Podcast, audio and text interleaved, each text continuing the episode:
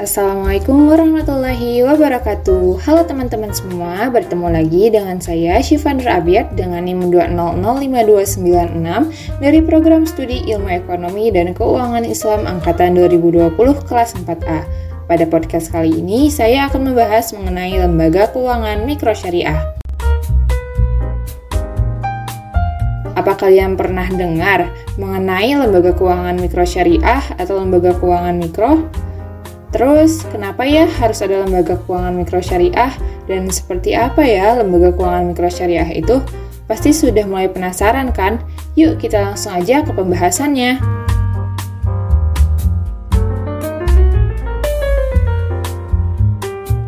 Pembahasan yang pertama yaitu mengenai lembaga keuangan mikro dimulai dari pengertian lembaga keuangan mikro hingga model lembaga keuangan mikro di Indonesia.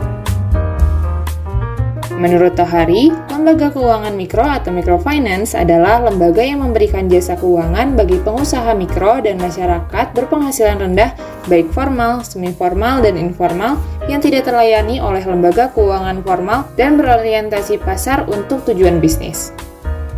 Menurut Otoritas Jasa Keuangan atau OJK, Lembaga Keuangan Mikro atau LKM adalah lembaga keuangan yang khusus didirikan untuk memberikan jasa pengembangan usaha dan pemberdayaan masyarakat, baik melalui pinjaman atau pembiayaan dalam usaha skala mikro kepada anggota dan masyarakat, pengelolaan himpunan, maupun pemberian jasa konsultasi pengembangan usaha yang tidak semata-mata mencari keuntungan.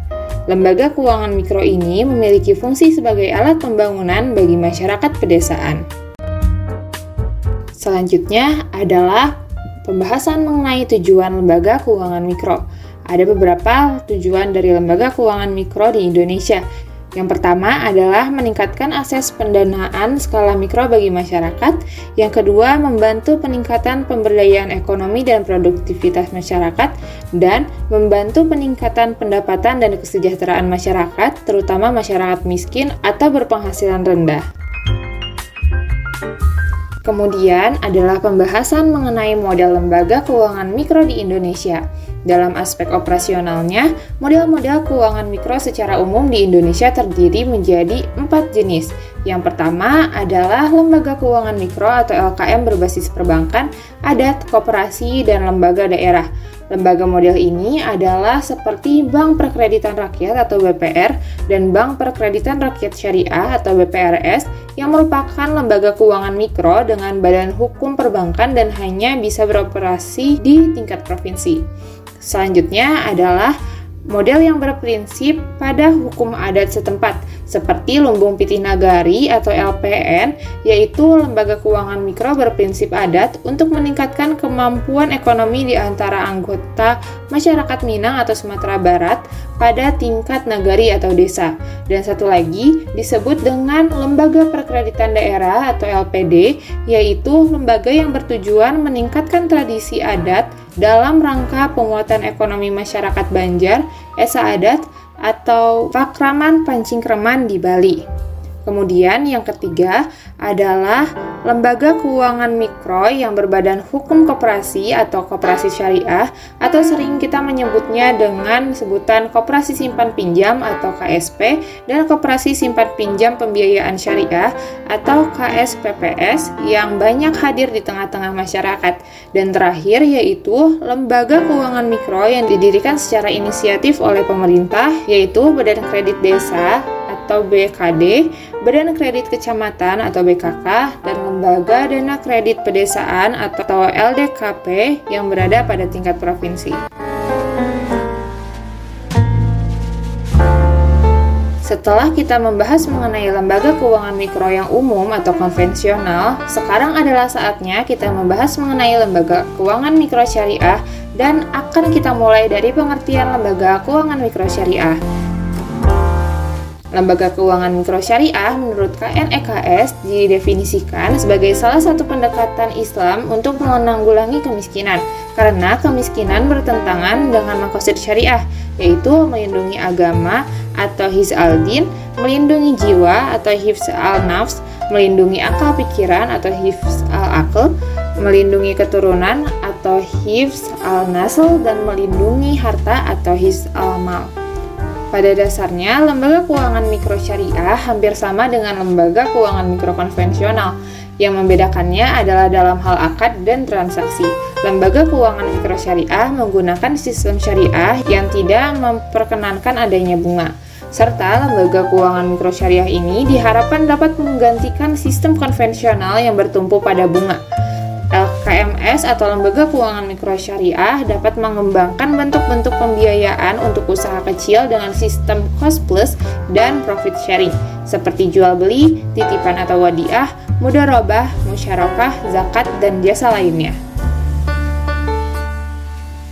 Melalui pengertian ini, mungkin ada sebagian dari kita yang berpikir mengenai apa ada dasar hukum yang memperbolehkan adanya lembaga keuangan mikro syariah ini. Jawabannya Tentu saja ada. Seperti dalam Al-Quran, pada Quran Surat Al-Baqarah ayat 275 yang mengharuskan kita untuk bertransaksi tanpa adanya riba. Hal ini harus dilakukan tidak hanya pada lembaga keuangan seperti perbankan, tetapi juga harus diterapkan pada lembaga keuangan mikro, sehingga sangat diperlukan adanya lembaga keuangan mikro syariah ini. Selain itu, ada juga dalam Quran Surat Al-Ma'idah ayat 2 dan Quran Surat Ar-Rad ayat 11 yang mengingatkan kita untuk tolong-menolong dalam mengerjakan kebajikan dan takwa, serta dengan tolong-menolong ini kita dapat merubah keadaan seperti saat ini yang masih tingginya tingkat kemiskinan masyarakat di Indonesia agar menjadi lebih baik. Kemudian, apa ada yang penasaran bagaimana bentuk lembaga keuangan mikro syariah di Indonesia?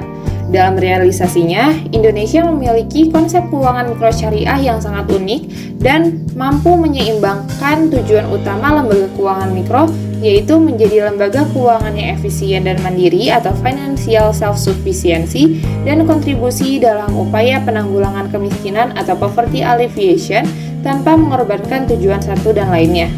Konsep ini disebut dengan sebutan Baitul Mal wal Tamwil atau BMT yang merupakan sebuah konsep keuangan mikro syariah yang menjalankan orientasi komersial melalui kegiatan tamwilnya dan orientasi sosial melalui kegiatan malnya secara harmonis.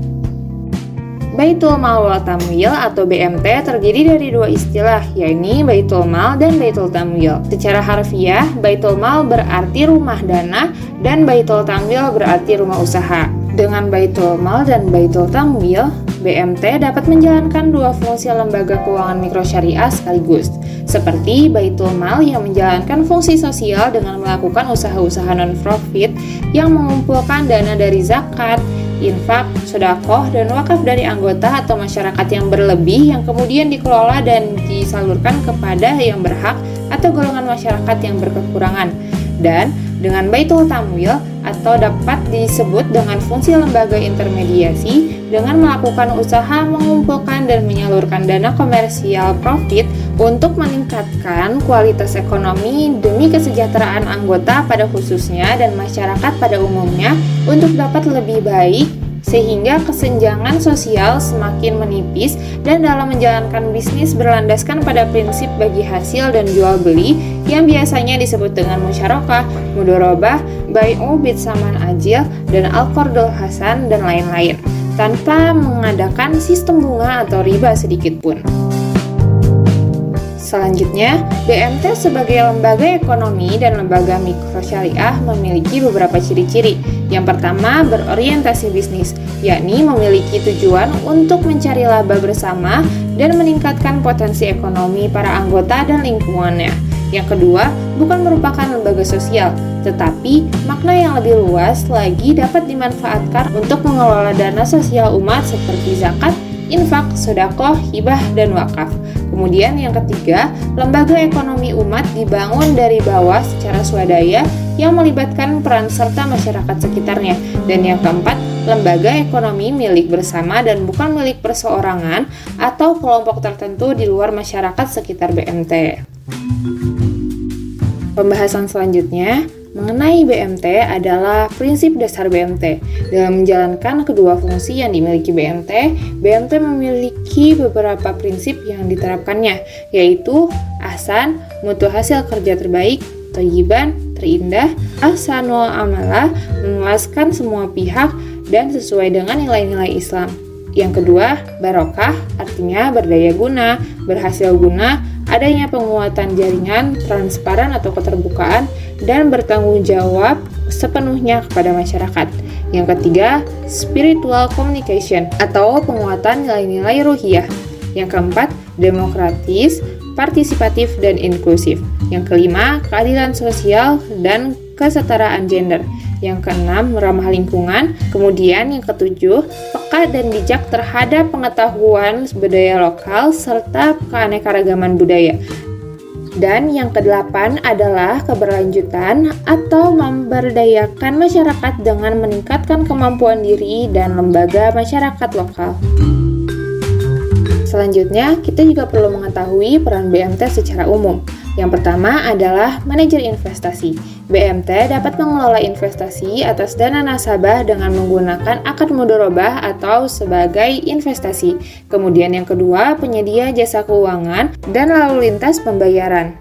BMT dapat melakukan kegiatan jasa-jasa layanan keuangan seperti yang dilakukan bank non-syariah sepanjang tidak bertentangan dengan prinsip syariah dengan dukungan teknologi di era sekarang sangat memungkinkan BMT untuk mengeksekusi jasa layanan tersebut.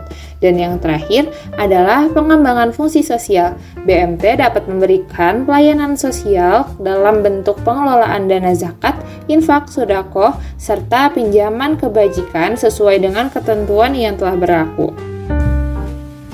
Dalam menjalankan usahanya, berbagai akad yang ada pada BMT hampir sama dengan akad yang ada pada bank pembiayaan Islam.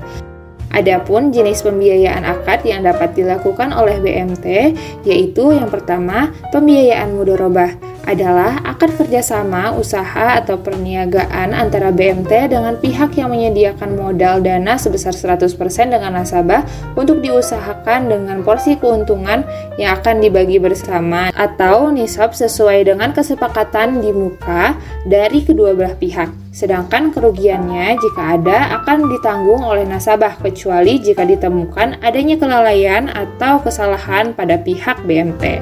Kemudian yang kedua adalah pembiayaan musyarakah atau syirkah. Adalah suatu bentuk akad kerjasama perniagaan antara beberapa pihak modal atau BMT untuk menyertakan modal dalam suatu usaha, di mana masing-masing pihak mempunyai hak untuk ikut serta dalam pelaksanaan manajemen usaha tersebut. Keuntungan dibagi menurut proporsi penyertaan modal atau berdasarkan kesepakatan bersama, dan musyarakah dapat diartikan pula sebagai pencampuran dana untuk tujuan pembagian keuntungan. Kemudian yang ketiga, piutang merubah. Merubah adalah jual beli barang pada harga asal atau harga perolehan dengan tambahan keuntungan atau margin yang disepakati oleh kedua belah pihak penjual dan pembeli. Karakteristiknya adalah penjual harus memberitahu berapa harga produk yang dibeli dan menentukan suatu tingkat keuntungan sebagai tambahannya. Kemudian, yang keempat adalah piutang salam. Salam atau salaf adalah akad pembelian atau jual beli yang dilakukan dengan cara pembeli melakukan pemesanan pembelian terlebih dahulu atas barang yang dipesan atau diinginkan dan melakukan pembayaran di muka atas barang tersebut, baik dengan cara pembayaran sekaligus maupun dengan cara yang mencicil. Yang keduanya harus diselesaikan pembayarannya atau dilunasi sebelum barang yang dipesan atau diinginkan itu diterima kemudian. Akad yang kelima yaitu akad istisna adalah akad bersama pembuat atau produsen untuk suatu pekerjaan tertentu dalam tanggungan atau dalam akad jual beli suatu barang yang akan dibuat terlebih dahulu oleh pembuat atau produsen yang juga sekaligus menyediakan kebutuhan bahan baku barangnya. Jika bahan baku disediakan oleh pemesan, akad ini akan menjadi akad ujroh atau upah. Akad yang keenam adalah akad ijaroh, adalah pemilikan hak atas manfaat dari penggunaan sebuah aset sebagai ganti pembayaran. Pengertian sewa atau ijaroh adalah sewa atas manfaat dari sebuah aset, sedangkan sewa beli atau ijaroh wa ikstina atau disebut juga ijaroh muntahiyah bitamlik adalah sewa yang diakhiri dengan pemindahan kepemilikan Kemudian yang ketujuh ada akad cord.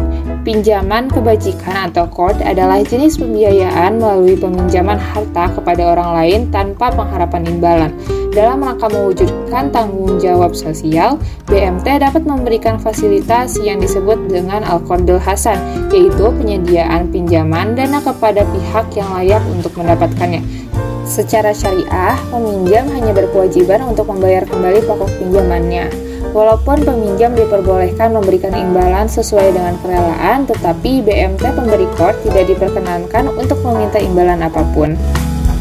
Dan akad terakhir adalah akad rahan, adalah menahan salah satu harta milik si peminjam sebagai jaminan atas harta yang diterimanya. Menurut Bank Indonesia, rahan adalah akad penyerahan barang atau harta dari nasabah atau rahin kepada bank atau murtahin sebagai jaminan sebagian atau seluruh hutang. Nah, itu dia pembahasan mengenai lembaga keuangan mikro syariah dari lembaga keuangan mikro konvensional, lembaga keuangan mikro syariah, dan BMT sebagai penerapan lembaga keuangan mikro syariah di Indonesia. Semoga pembahasan ini dapat membantu menambah informasi dan wawasan teman-teman sekalian. Terima kasih telah mendengarkan sampai akhir. Mohon maaf atas kesalahan kata yang mungkin saja tersebut tadi. Wassalamualaikum warahmatullahi wabarakatuh.